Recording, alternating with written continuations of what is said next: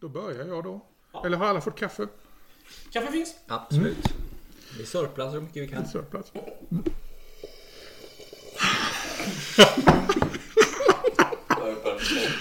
Det var en bra början. Ja, det var det.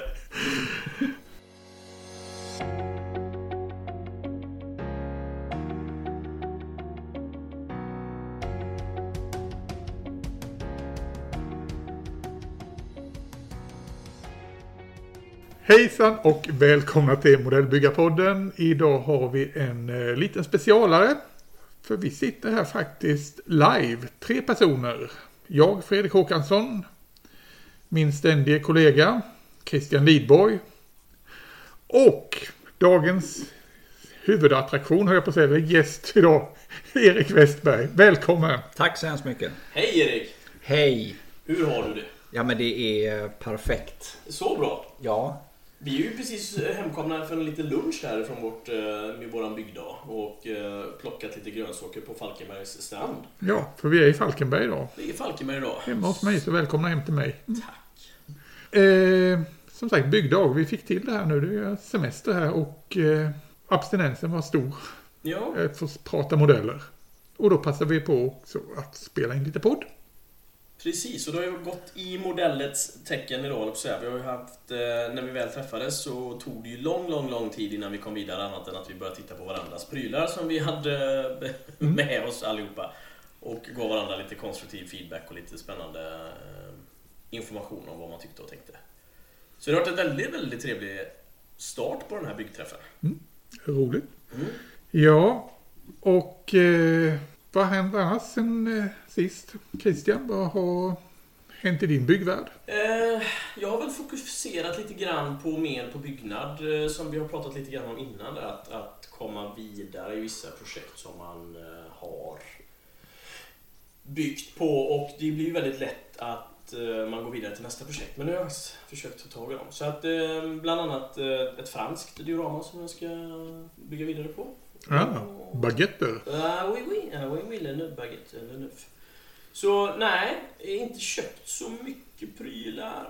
Har inte gjort. eh, Så att nej.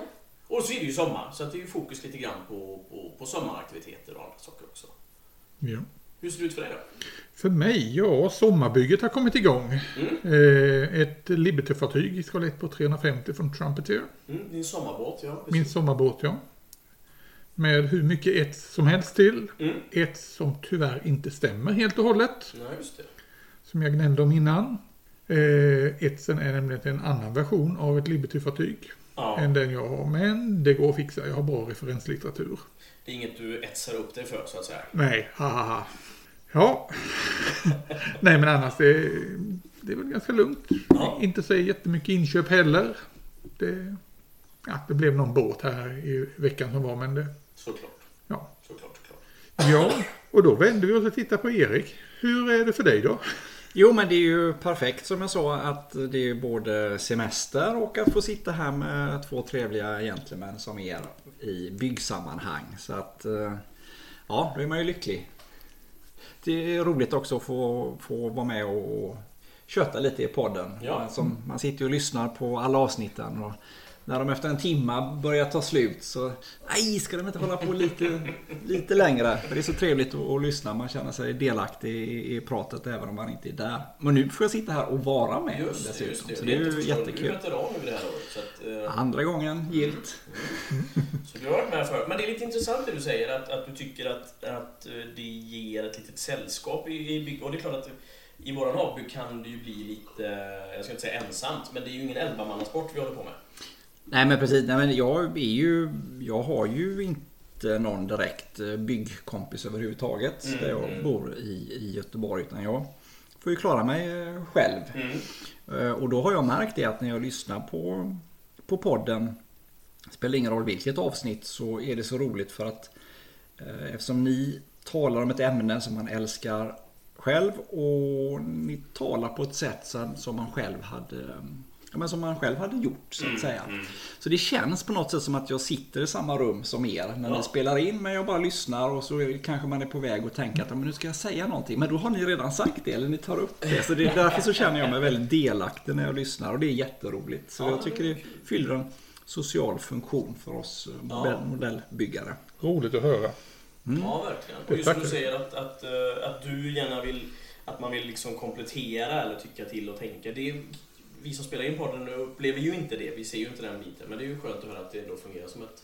Jo men det blir, man får ta- ofta svar på de eventuella frågor man har i det avsnittet. De svaren kommer liksom under den timmans samtal. Mm. Ja. Upplever jag det som i alla fall. Ja, men det är bra. Då är vi inte helt förvirrade i alla fall. Nej, det var... Nej, tycker jag inte. Nej, skönt. Ja, och det här är första gången som sagt som vi kör en eh, vad ska jag säga, podd öga mot öga Mm. egentligen. Förutom när vi har varit ute på utställningar alltså. Precis, precis. Ja. Men hur är det på byggbordet annars då Erik? Ja, det, alltså det är både eh, det är både bra och dåligt kan man säga.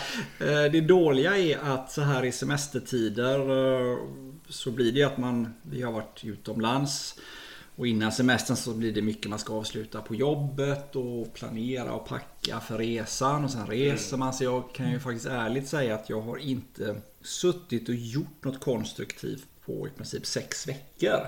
Nej. Vilket ju är, är nästan rekord. Men däremot så har vi varit eh, en fantastisk resa på två veckor på, på Sicilien. Och vi har besökt eh, flera av de här platserna som eh, under Operation Husky Eh, 1943. Och jag har eh, tagit tog med min systemkamera och har eh, dokumenterat flitigt hus, byggnader och växter. Så jag, har, jag är full av inspiration och jag har på något sätt sagt det att jag ska viga närmsta året till dioramor som eh, fokuserar på italienska fronten 43-44 då. Ja, just det. Just det. det är ju det som är lite... Du sa att du inte byggt på sex veckor, men, men som dioramabyggare, och ni som inte känner eh, Erik fullt ut, så är det ju eh, Eh, primärt fokus du lägger på är ju dioramor i, i, i både 1,72 men 1,35 och ibland andra skalor. Eh, det är ju att man kan, när man är iväg på äventyr och inte bygger, så kan man ju tänka på nästa diorama. Man kan ha en plan, man kan ha en fundering och komma på idéer. Och det, det kan jag tycka är väldigt skönt, att vi kan liksom vila lite i tanken på våran hobby. Eh, på något sätt. Ja men det, det är ju... Alltså, jag bygger ju inte en enda modell utan att ha att- en tanke på att den ska vara med i ett diorama. Diorama är helt och hållet eh, mitt fokus med modellbygget. Men eh, det gör ju också att, att så fort var jag än reser eller rör mig egentligen så har man ju den här dioramaradan på. Man lägger märke till byggnader och, och växter och allting. Så man är ju i dioramabyggandet hela tiden konstant. Även om man inte sitter vid byggbordet på sex veckor så, så är ju tankarna där till Just det. 100%. Ja, vi var ute nyss här och käkade lite lunch och då observerade vi både byggnader och gräs eh, och andra artiklar, artiklar just eh, för att bli inspirerade. Så det är klart att det påverkar oss och det är väl så med de flesta modellbyggare och dioramabyggare. Tänker jag att vi är lite nördar på detta. Ja, vi, vi ser ju prylar för och, och tänker hela tiden, okej, hur kan jag återskapa det här? Ja, ja precis. Hur kan jag fixa den här rosten? Hur kan jag fixa den här flagnade väggen? Ja, Ja, jag skulle säga att även om det är just byggtorka så är det ju aldrig idétorka. nej, Så kan nej. man säga. Nej. nej Ja. spännande. Och sen vet jag också att du har eh, du har, haft ett, du har hävt ditt egna inköpsförbud så du har... eh, Ja, Du har jag glömde, jag glömde ta min medicin. Så du har handlat på dig ganska mycket i alla fall som kommer här. Ja, inte, inte överdrivet mycket. Men, men det var... eh, Jag vet inte, suget blev för stort. Det, det började med att jag hi- hittade den här Citadells Black Chaos Ja, eh, sprayfärgen på Ja. en nätfirma i Danmark. Så då blev jag glad. Så då var man ju tvungen att köpa några burkar. Och eh, då åkte det med lite annat. Som jag knappt nu ens kommer ihåg vad det är jag har beställt. jag har inte hämtat ut igen. Det blir ju en kul överraskning Ja, då. men så blev det en annan beställning där från en tysk firma i alla fall. Som, eh, men det var väldigt mycket 172 eh, fordon då. Mm. Jag tänkte att nu inför min eh, italienska period här, Ja. temaperiod närmsta året så får jag ha lite passande fordon som fanns på det, det frontavsnittet. Ja, just det. Mm. Ja, det kan vi ju säga till er som inte har lyssnat på alla tidigare avsnitt. Vi har ju ett helt avsnitt där vi pratar just med dig Erik om dioramabyggande. Mm. Och kom in väldigt mycket på ett på 72 också. Precis, som är en skala som, som, eh, som du är väldigt, väldigt fokuserad på och duktig på att, att få fram eh, både stora och mindre eh, miljöer. Så det är väldigt, väldigt fascinerande. Och fordon 1 till 72, var hittar vi de bästa? Vilka, vilka är de bästa fordonen? Vilket fabrikat? Ja, alltså nu har jag ju inte byggt hundratals 172 men, men det jag har Det var som jag sa i, då, i det diorama-avsnittet när jag var med tidigare var att jag köpte mycket gitarrer i fordon i början innan jag visste bättre. Eh, Men, men nu är det ju, det, det misstaget gör jag inte om. Eh, De har säkert bra grejer också men, men eh, ja. Eh, Nej men eh, Dragon gör ju mycket stridsvagnar i eh, 172 som jag har byggt flera stycken och är väldigt nöjd med. Mm. Men sen blir det då faktiskt lite spännande här nu för att eh, i och med att jag ska ta tag i det här nu med 172 fordonen så att det blir ju både eh, Roden och i eh, BG Just det och sen är det ju ja, det, Jag har beställt lite blandad kompott Lite grann då för att lära mig vilka som är Ja, de bästa helt enkelt. Ja, Try, try and error. Mm. IBG har jag ganska positiva erfarenheter av. Faktiskt, jag tycker jag har byggt deras eh, svenska vagnar. Mm. Just det. 38, 39 och vad blev det? 40. Ja, men det var roligt. Jag beställde en sån M30, Mm. både 38 och 39 faktiskt. Mm. Eh, sen byggde jag också deras, eh, nu ska vi se den här La Fiat 502 eller något sånt där. Ja. Alltså den eh, polska stabsbilen. Eller- Men eh, den var faktiskt ett litet elände i sig. Jaha. Ja, alltså den var ju så detaljerad så um, jag tror nästan eh, ibland att det var ner till 35-modell som de har bara skalat ner. Ja, okej, okej. Men det är roligt när de har lite annorlunda kit och lite... Ja. Är sånt är ju roligt. Men det känns lite vansinnigt med liksom, fylla motorrummet på en eh, liten 1-72 modell. Mm. Det är inga stora motorer. Det är inga stora motorer. Nej. Nej. Och de är inte stora redan innan. eller Nej, den, den var liten. Nej, men det var väldigt positiv erfarenhet kan jag säga av IBGs grejer. Mm. Väldigt krispiga tycker jag. Ja, ja med det.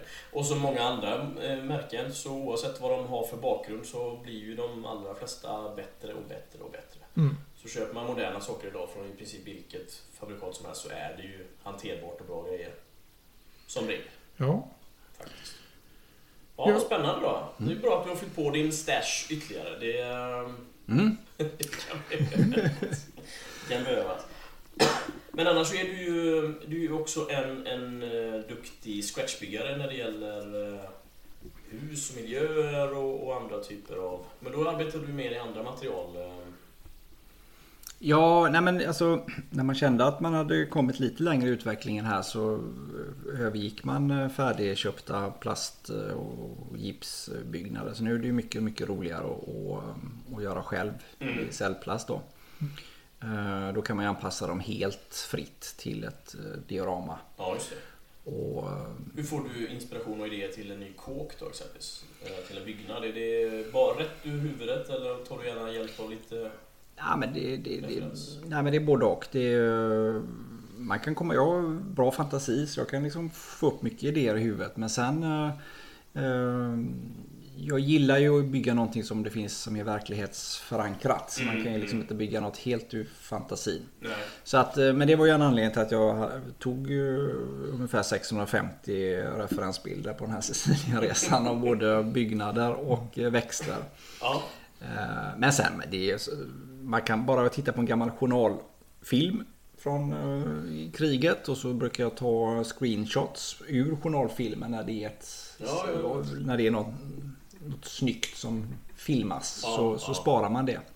Men även alltså bara googla Pinterest och så vidare. Man får skapa lite album eh, som man sparar med, med bra bilder som man precis. kan bläddra igenom för att få inspiration. Så du har skrivit Italian, Old Italian House några gånger kanske i, i sökfältet? Ja, det har hänt. Ja, ja. Nej, men jag är nog som sagt, min fantasi och, och min idéförmåga är ju begränsad så att jag, jag har nog absolut ett behov av att få inspiration av bilder och, eh, och sen behöver man ju inte göra identiskt som bilden men att man ändå får någon form av inspiration ifrån det. det. eh, Och jag skäms lite för det, att, min, eh, att jag inte är bättre än så. Men eh, jag får väl erkänna det är så bara. Du är bra ändå på att exekvera det du... Ja, ja Det du gör. det, Resultatet blir ju suveräna. Att det funkar i alla fall. Eh, mina herrar, jag tänkte att dagens ämne som vi ska spåna kring det ska vara lite hur, vad vi tror om eh, och vad vi ser när det gäller vår hobby framöver. Mm. Både i det stora och det lilla. Eh, vi har ju precis gått igenom en pandemi här. Och eh, nu börjar vi komma tillbaka till det vi kan kalla för ett normalläge. Trots allt elände runt om i världen och så vidare. Och eh, ja, vi har vaknat upp igen. Det märkte vi ju på alla tävlingar och sånt vi har varit på här att det som har kommit igång efter pandemin att gisses vilket, eh, vilken produktion som det har varit. Ja, verkligen, verkligen. Och till Och- med krigsdrabbade Ukraina, eller på att säga, levererar och producerar fortfarande eh, eh, kit och... Eh, Ja, det drog väl alla sig, en, alla modellbyggare en lättnadens suck. ja, att det fortfarande går att göra det. Mm. Men vad tror vi om vår hobby framöver? Rent generellt, alltså vad är vi på väg? Hur är det med det, vad ska säga, guldåldern som Mm. du hävdar Christian att vi är i? Kommer vi att bli ännu bättre? Ja, men precis. Och hur kommer hobbyn förändras i så fall? Jag tycker ju att det, det, det kommer ju oerhört mycket nya, fräscha och fina släpp. Och jag tänker också att det måste ju finnas någon form av målgrupp för detta som, som köper de här kitten. Annars så kommer ju de här bolagen naturligtvis inte vilja fortsätta göra det.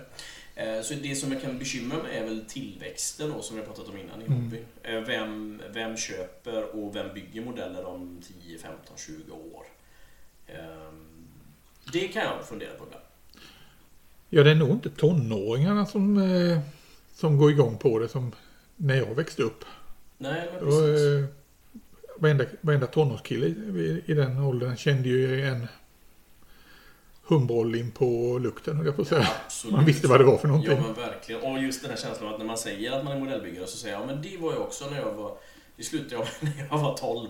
Mm. Och så, ja, jag kämpade vidare. Nej men skämt åsido, liksom alla förr gjorde ju det på ett eller annat sätt. Man fick det i julklapp och det fanns eh, kits på, på varenda eh, leksaksaffär eh, i Sverige liksom. Mm. Och, men, eh, nej men jag vet inte. Och så, så jag tror att, att det krockar lite grann med att tillväxten av, av nya modeller är så stor och eftermarknaden är stor också när det kommer det här med 3D bygg, eh, 3D-skrivare har ju också exploderat andrahandsmarknaden på ett bra sätt. Mm. Jag vet inte vad du tänker om tillväxt och den biten? Nej men jag tänker så här att eh, ett par år till så tror jag att tillväxten finns. Och då är, men då är det ju inte ung, unga människor vi, vi pratar om i första hand. Utan det är ju människor som precis som jag själv då byggde när jag var liten. Mm.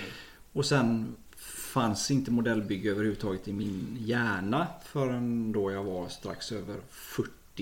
Mm. Och då, pang tjoff, så, så dök det upp igen.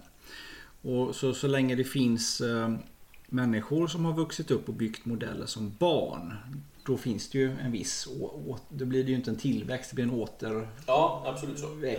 Ja, ja. Eh, så, så det, och det, de människorna finns väl nu kanske en tio år framåt Mm. i alla fall. Och de har oftast en väldigt god ekonomi också. Som Ja.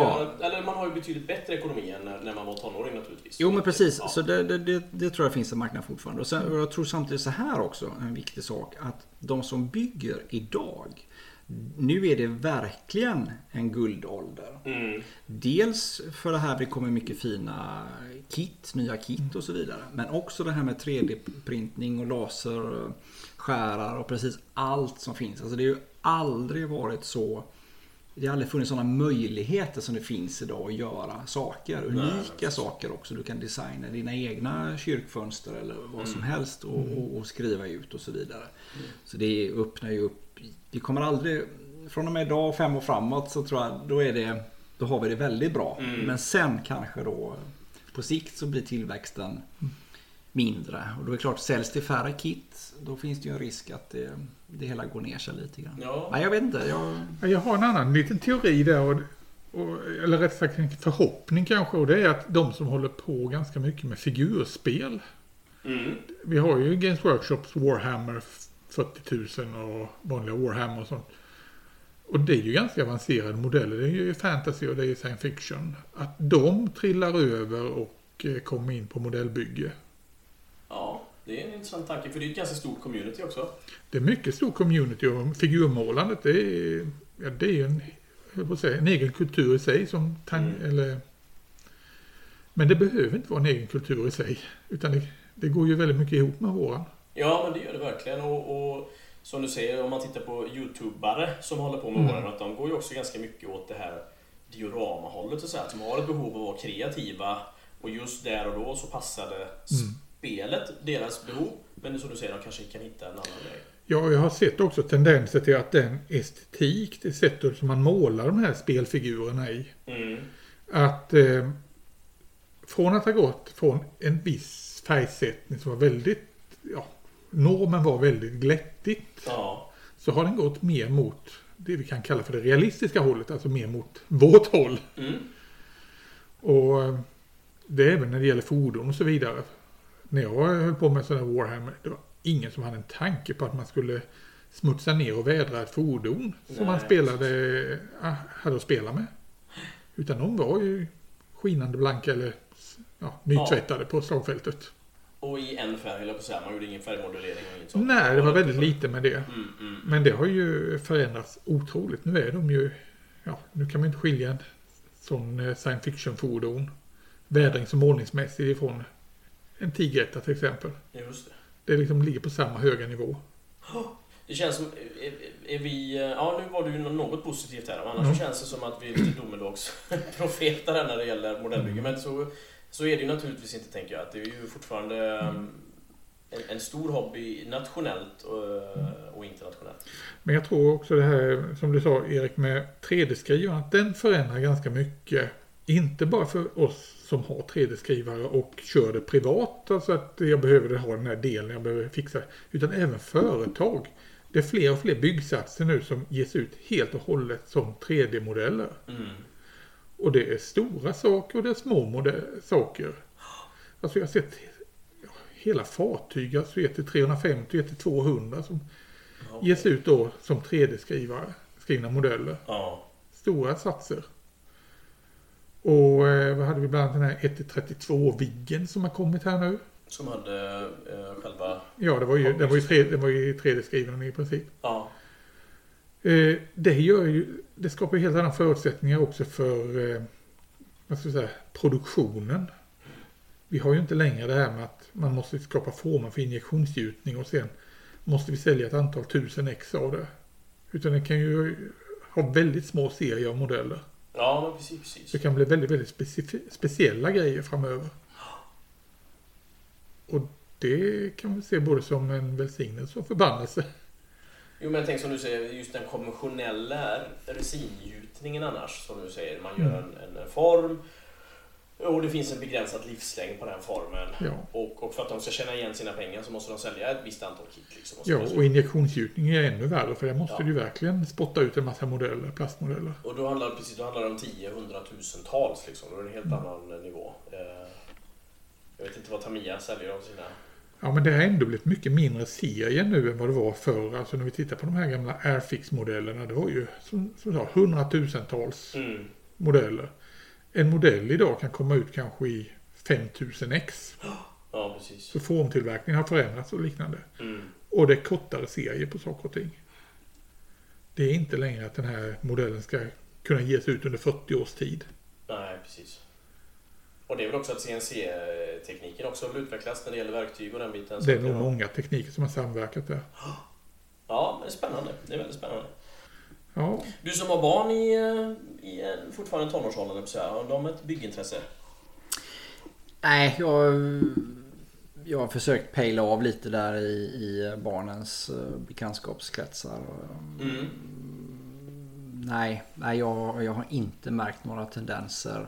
Jo, ja, jag har ju en, en eh, min, min eh, frus systerson. Han är ju 11. Han, har, han, har ju, han bor i Malmö. Men de är på besök ibland. Då har vi alltid byggt ett litet diorama när de är ett par dagar eh, uppe. Så han håller ju faktiskt på med, med Mm. modellbygge. Eh, Men jag tror, inte, jag tror han hade någon kompis som var lite intresserad också. Men Ja, annars, okej. ja, det, Så det tänker- finns, det är ju inte dött alltså. Nej, nej, nej, nej, men jag det tänker är att- klent. Att man kanske gärna hade någon man, manlig förebild, kanske dumt säga, men man hade en förebild man byggde med när man var ung. Och det kanske inte alla har idag. Ehm, Nej, men sen har det också med tillgången mm. på modeller och som sagt att eh, ja, det finns så mycket annat idag som man pysslar med istället för att bygga modeller. Ja. Men jag tror tillgången eh, det är absolut eh, en viktig faktor. Mm, mm. Jag menar, du kunde inte gå in i en tobaksaffär när vi väx- växte upp utan att man hittade modeller. Nej, nej. På den tiden fanns det ju tobaksaffärer också. Ja, exakt. Det har, nu är jag inte så gammal, så det har inte jag Nej. upplevt. Men just att, att man kan gå in i vilken eh, leksaksbutik som helst. Och det är ju knappt så att det finns leksaksbutiker fortfarande. Och då är det något, Mm. något Revell-kit med både färg och, och, och penslar och allting med. Liksom. Så att det är inte alls på samma nivå. Men Nåväl, det, det, är kanske, det är kanske så att återväxten framöver, det kommer vara de som har vad ska jag säga, stadgat sig, det kan vara 35 plus. Mm. Tänker framöver. Ja, men jag kan väl se ett, någon form av generationsskifte när man är på utställning och så. Då kan jag se, nu behöver inte, ålder behöver inte vara avgörande, men man kan ju se att det är en yngre generation i vissa kategorier som bygger mer Mm. än vad det är. Så jag kan nog kanske se att det är som du säger. Och, och det kan, nu har inte vi någon statistik på detta. Det kan ju vara så att, att de som har, kommer, som du säger, bygderna var små och börjar sen igen med 35, 40, 50. Det kanske är helt oförändrat. Det vet vi ju inte. Nej, vi sitter ju bara här och killgissar hej vilt. Nej, men det är, det är lite intressant också. Vad kommer man if- Vad har man för bakgrund? Mm. Det vet jag. Jag har ju märkt till exempel att många figurmålare. De Ja. är yngre och de kommer ofta från det här fantasyhållet. Och sen har man gått mot mer seriösa figurer. Eller vad ska jag säga? Riktiga objekt. Ja, just det. Och det är som sagt via byster och ja, helt plötsligt så sitter de där och målar en, en Caroline från, från 1700. Mm. När det började med en Space Marine. Men är det inte lite så när man var yngre också att man gärna testar, som du säger nu, några testar lite Warhammer eller andra typer av spel. Mm. Men att man själv testar lite olika modeller. Jag vet inte hur du gjorde om du, när du var ung. Byggde du bara flygplan, pansar eller var det lite blandat? Och... Nej men det var blandat. Det var ju både... Det var 172 bara. Så Mm. Det var ju flyg och, och vagnar. Ja, Eller ja, 176 var det ju då mycket som var matchbox eh, just det. kitten. För då var det ju mer kanske fokus på att man tyckte att det var själva modellen som var rolig, eller liksom byggandet. Inte i princip resultatet. Eh, För man kanske inte hade någon relation till... Nej men precis som du säger Christian att det, det var ju byggandet som var det roliga. Mm. Eh, absolut. Men sen var det ju lite grann då det här och Ja, jag försökte ju bygga några dioramor så att Mm, säga. mm. Men ja, det blev som det blev. Ja. Men nej, men det var byggandet som var det roliga. Det var lite som en, en, man kan uppleva en lego en legobyggsats idag liksom. Att du, det, det är bygget som är det roliga. Sen är det roligt att titta på den lite grann. Ja, sen är det, det var ju lite så det var. Och, och, och, Ja, men det var ju så det var med, med de satserna när man var barn. Så att säga. Mm. Det är ju tidsfördriv på, Mm. på det ett sätt. Liksom. Men vad tror ni då om communityns roll i det hela? För den finns ju nu som, på ett sätt som inte fanns för 20 år sedan. Ja, just det. Vi har ju ett helt annat kontaktnät. Alltså via nätet så eh, kan vi komma i kontakt med andra byggare. Vi kan se objekt. Mm. Vi håller ju själva på och liksom lägger ut material. Alltså det, det var ju omöjligt. Ja, men precis. Och tillgång till kit är ju naturligtvis betydligt lättare att beställa idag också. Mm. Och vi, vi, vi kan ju beställa online från alla världens hörn och vi kan köpa vad vi vill. Och som du säger, det finns sociala plattformar där vi kan bli inspirerade och, och även lära andra och, och själv bli lärda. Så att det har ju verkligen förändrats. Ja, du kan få en review av en modell alltså på nolltid. Och det uppskattar man ju oftast. Ibland så är det ju så att man, eh, inte osällan har jag beställt någonting och sen kollar jag reviews. Men man vill ju gärna... Du ska, kanske ändra på ordningen. Ja, jag, jag försöker men jag kommer på det efteråt. Men det är ju det är en jätterolig grej. Samtidigt vill man ju bygga saker som ingen annan har byggt. Men det är kul att se vad, vad tyckte andra om den här? Eller vad finns det för fallgropar och så vidare. Och, sådär. Mm. och den informationen kanske inte fanns riktigt förr. Uh, tänker jag. Nej. Vad tror ni om eh, det här med ord? vi- Vilka är de intressanta områdena att skapa modeller inom framöver då? Eller har man gjort modeller av allting? Känns allting gjort nu? Har vi gjort alla flygplan? Har vi gjort alla stridsvagnar? Ja, det, Nu menar jag alltså som företagen, alltså, har, det getts, har, har allting getts ut nu? Är vi end of the line där eller? Ja, men jag, jag som är, nu är jag lite novis när det gäller det här med, med vilka byggsatser som ger ut, eller vilka fabrikat som ger ut vad och så vidare. Jag är bara en lekman där, jag är inte så, så duktig på det som ni är. Men jag kan ju faktiskt förundras över hur det kommer ut nya byggsatser på sånt som jag fattar att ja, men det här är ju, det är ju säkert funnits 15 som redan har gett ut det här men det kommer Mm. nytt på nytt på nytt. Eh, Det fascinerar mig faktiskt men och det finns ju uppenbarligen en marknad eh, så att de kommer väl fortsätta och, och försöka göra ännu mer detaljerade och bättre byggsatser. Ja, behöver vi en stog trea till? Nej men det gör vi ju inte. Och eh, nu följer vi ju, de flesta av oss följer ju nyheter på vad som sker på modellmarknaden. Mm. Och då ser man ju nya släpp. Och det är klart att när Hobbyboss släpper en, en Tiger 2 med, med tidigt torn.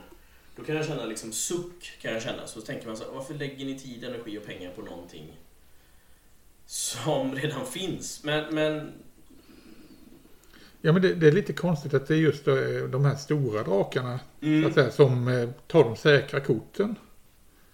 Ja, och det kanske de gör vis av erfarenhet att, att jag tänker, om man tittar på en Sturmtiger så Mm. byggdes det ju enkom 18 stycken sådana IRL. Det kom ju inte fler. Ändå är det ju en väldigt vanlig modell att bygga.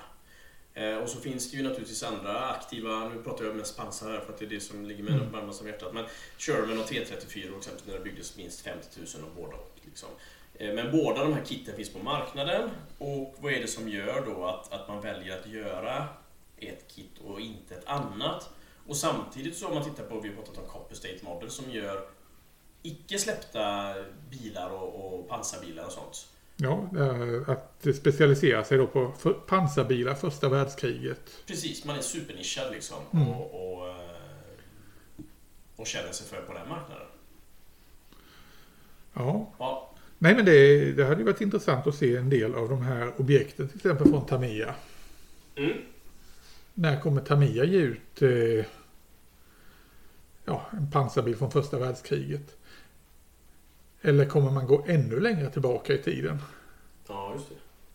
När ser vi de här ång eh, tågen eller ångbilarna från, som användes eh, i viss omfattning i boerkrigen till exempel?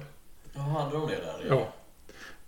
Men det kan, du kanske du kanske inte svarade på frågan Mhm. genom att du ställde, hade de det? Ja, jo, precis. Det, det, men det folk inte känner till, Ja, det efterfrågas inte. Det blev för smalt, det blev lite nördigt. Det är en sån som jag som vill ha en, eh, en lokomobil från boerkriget. Mm.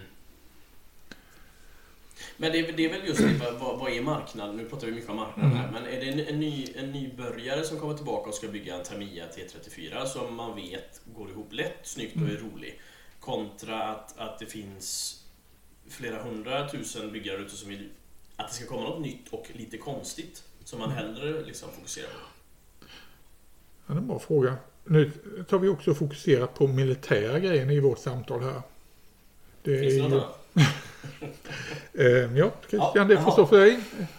Eh, har ni åsikt om detta så kontakta Christian. Lämna mig utanför den diskussionen. Ja, det är bäst. Det är det bäst. Nej, men alltså det är ju... Varje år så kommer ju till exempel hur mycket bilar och motorcyklar som helst. Mm. Och eh, ja, förutsätt att det ges ut ganska mycket, ganska frekvent. Jag vet inte, sen... eh, Det finns, ja, det måste väl finnas ett intresse även då för standardbilar. Till exempel. Ja, nej, men det är absolut så. Och då borde det vara, okej, det är väl någon som vill bygga den senaste Volvon, Mm. typ. Ja, precis. Vad, om du hade fått välja, Erik, vad, vad känner du hade behövt släppas? Om du, Ah, jag, känner du att allt finns redan? allt som jag behöver för mina byggen finns redan. För mig gäller det egentligen bara att försöka hitta de som är lätt, lätt snygga och lättbyggda. Ja. Uh, nej, jag, jag, är, jag är mer än nöjd med det utbudet som, ehm, som finns faktiskt. Ja, okej. Det kan jag. Jag, jag, kan, en reflektion jag har haft det är ju när eh, Amusing Hobby släppte sin stridsvagn 104, Centurion. Ja, Då var ju det väldigt hypat innan och när den väl dök upp. Folk stod i kö och väntade och, och köpte. Mm. Och så här efterhand har man inte hört så mycket om det. Jag har inte sett så mycket många som har byggt den. Jag vet att när vi var i Solna så var det en 104 där. Mm. Ehm, är, är hypen då... Var det en Amusing Hobby-modell? Ja, Okej. det var det. Och var hypen då att man bara ville ha det kittet i sin stash liksom? Eller att man... Och jag ska inte säga något, för jag har själv börjat bygga den och har avslutat mitt i bygget.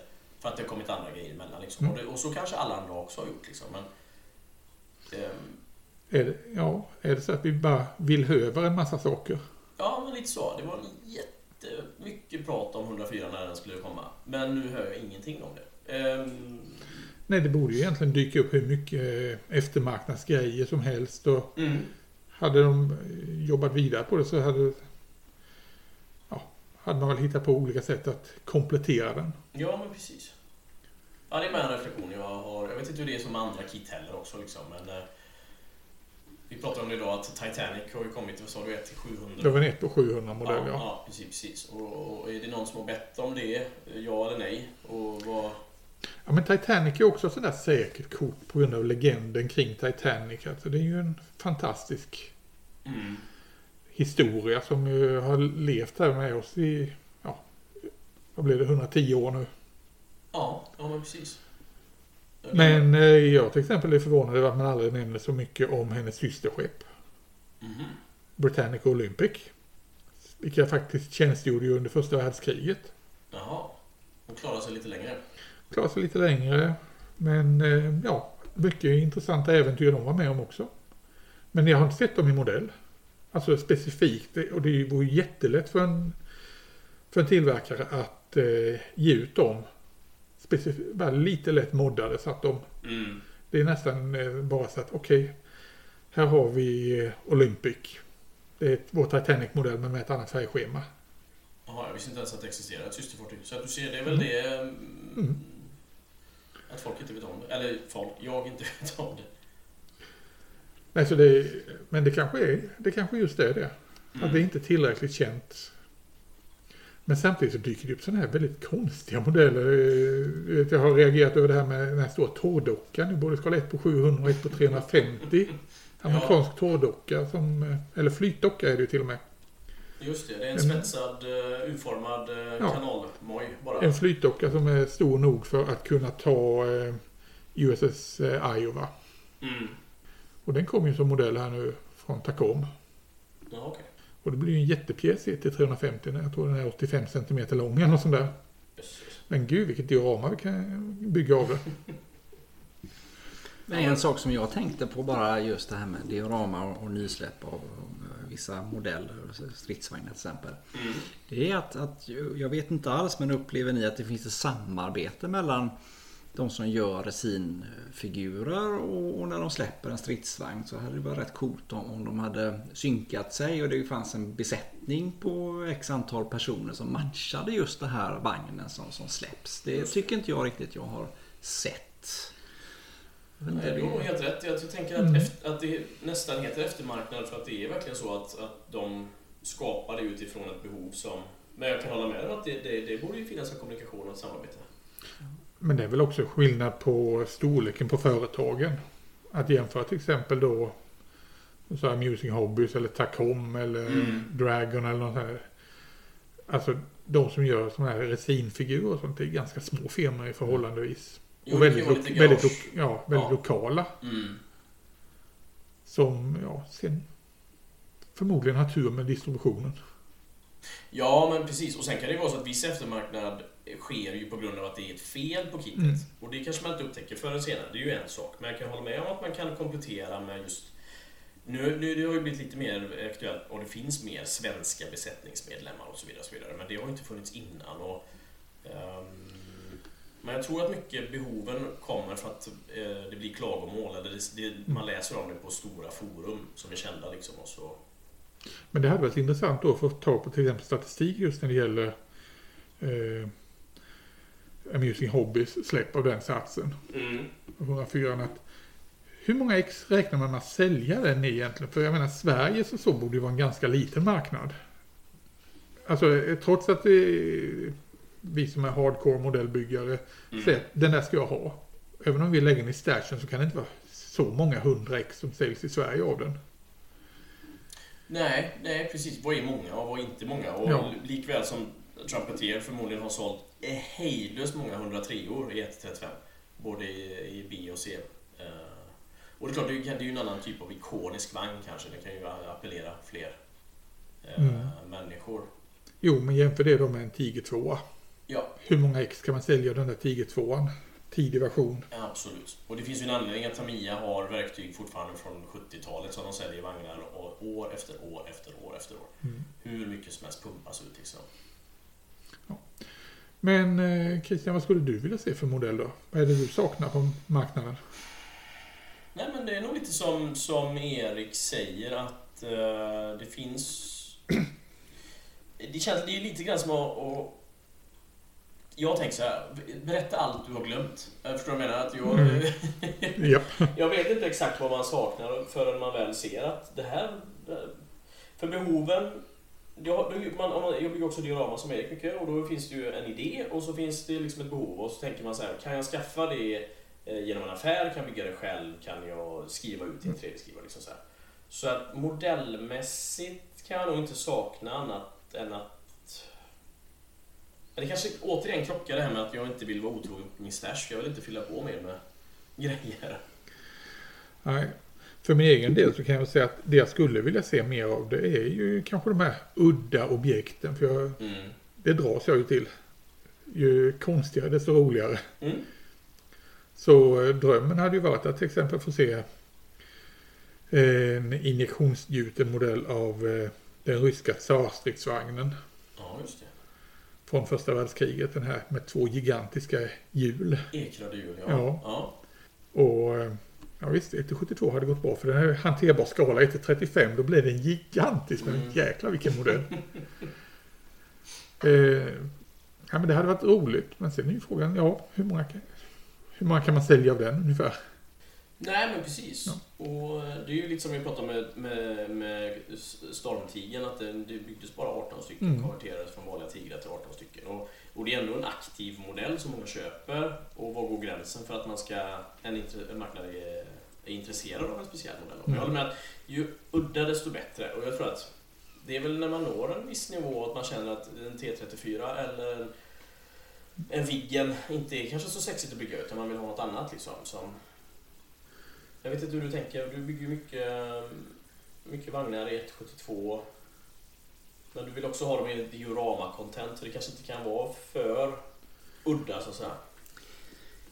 Ja, ja, jo det kan det ju vara. Ehm, Då bygger ju hela idén i sådana fall lite kring det fordonet och att någonting roligt eller någon, någon, någonting som ska hända precis Mm. där. Men, det gäller ju alltid att hitta matchande figurer då såklart. Det Mm. Det är ofta det som är lite svårt i 172 i alla fall. Men eh, ja, nej men det, det, man kan ju välja att bygga med ett udda fordon. Det är ju lättare att sticka ut på en utställning och en tävling om det är ett eh, lite ovanligt fordon. Mm.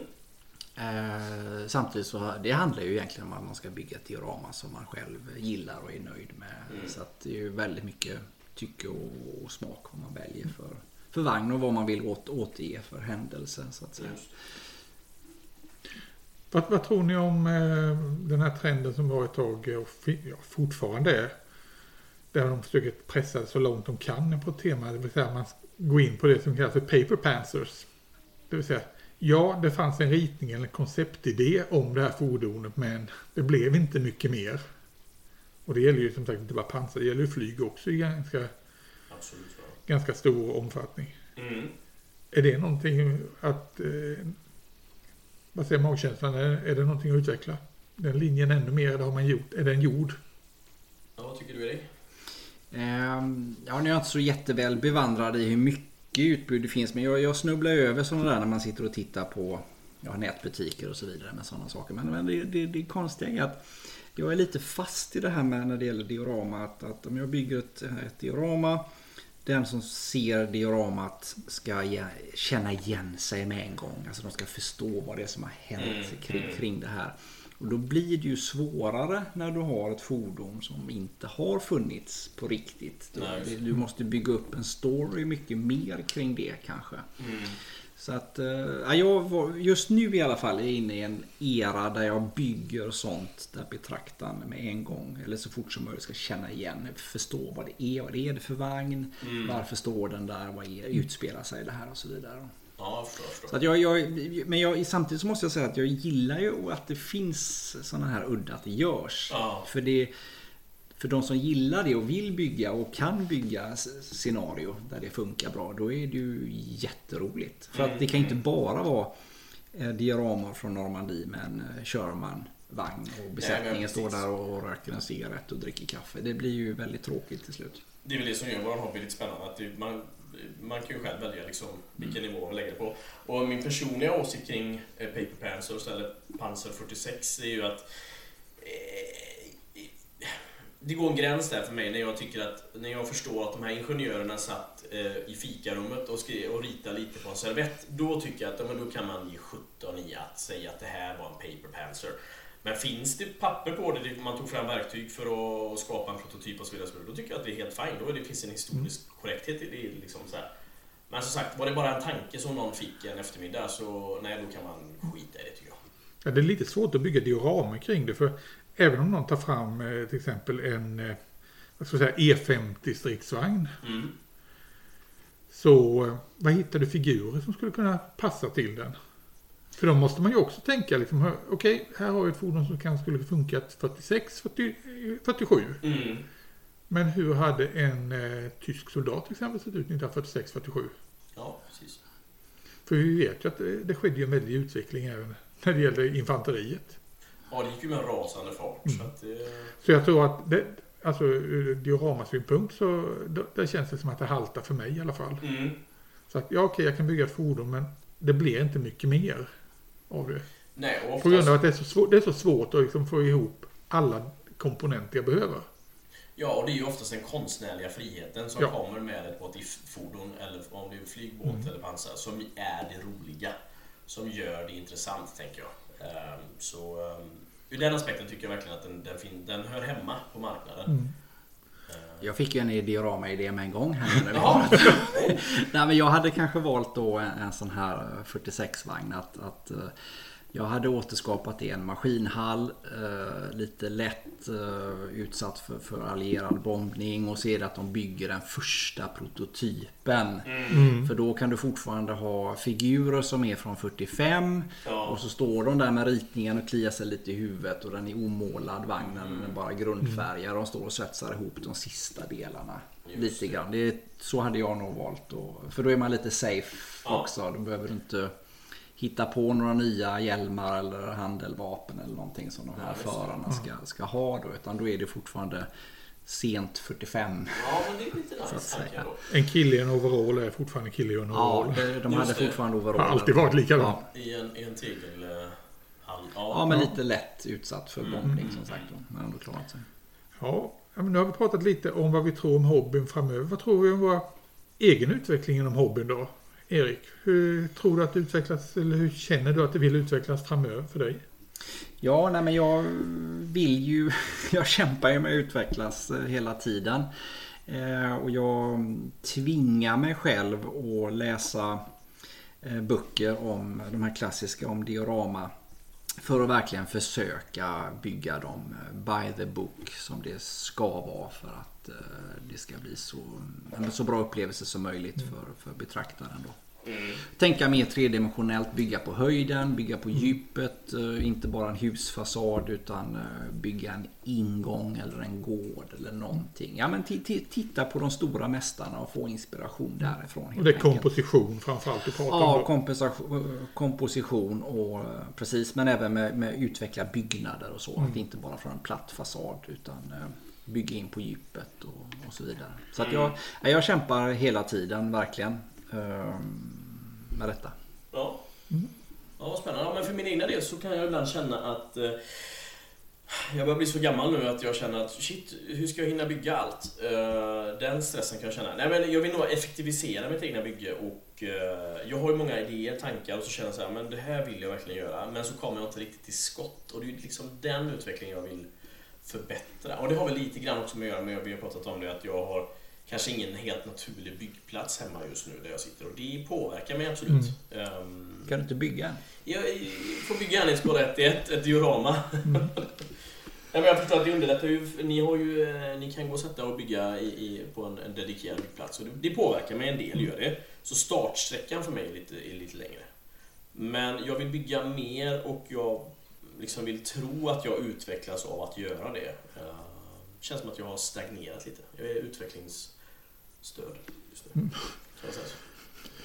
Ja. Ja. Eh, nej, för min del så eh, känner jag nog att det är målning. Mm. Målningen är nog den jag vill, eh, jag vill verkligen ge mig på. Alltså bli lite tuffare där. Alltså tuffa till mig och våga lite mer. För det Ja. känns som att eh, det, det finns eh, fortfarande lite spärrar i huvudet. Som jag Okej. måste komma förbi. Men det finns ju ändå tre SM-guld som, som hävdar motsatsen också. Ja, Eh, men frågan är om det har med målningen att göra. Det har nog med lite annat att göra. Det, nej, men det är alltså få mer ordning på själva processen. mm. På det. Och sen skulle jag vilja lära mig det här med att bygga bilar. Ja. Att eh, få bättre grepp om det. Fartyg känner jag att där är jag på väg och liksom få grepp om den biten. Mm, mm. Och nu är det bilar och det är ju som jag brukar säga det här med lacken. Som Ja, är det precis. stora röda skynket. Lära mig blanklack. Ja. För det är, nej, det, det är skrämmande. Men eh, Ja, till exempel nu efter att jag hade varit på, uppe på Grevens. Mm. Alltså det var ju så inspirerande. Det var ju fantastiskt att se detta. Och jag fick sånt mindervärdeskomplex så det var inte klokt. Nej, jag förstår det. Men jag tänker, känner du dig mätt då på att, nu sa du, ja men båt, du börjar liksom hitta formen där. Nej, snarare det att nu börjar det bli li- riktigt roligt för nu vet jag vad jag ska göra. Ja. Alltså nu, eh, nu kämpar jag inte längre med att lösa problemen så att säga. Nej, nej, nej, nej, du... Det är inte det här liksom, den ångesten den börjar gå över nu utan nu är det snarare att okej, nu kan jag njuta av bygget för nu vet jag hur jag ska göra när jag plockar ihop de här bitarna. Jag har lärt mig tricken så att säga. Mm, mm. Då kan jag njuta av det. Vi tittade ju förut på din eh, 20 mm båt, eh, Akan. Ja, Eh, I skala 1 till 350 var det. 350. Men den är ju så liten och, så att man inte ser den riktigt och den bestod av nio delar sa du. Nej, sju. Sju delar. Ja men ha, bara sju. Men då var det Ja, ja, då var det enkelt. Då var det eh, Jag förstår liksom vad du menar, att man, du vet exakt hur du ska göra och samtidigt så det, det tar... Det, ja, det finns en glädje i det och det, du vet hur lång tid det tar och så vidare. Ja, men det är ju det. Det är som alltid när man sitter och ska göra så, flera likadana. Att det första, den första man gör, Mm. den är jävligast. Ja. Och eh, ja, nu de andra sju som jag ska göra, de kommer vara mycket, mycket enklare. Och du har liksom den, den, den kraften och orken att göra sju till... Jag kommer inte sitta och, och göra sju stycken på raken för då kommer jag ju dö lite lätt inombords.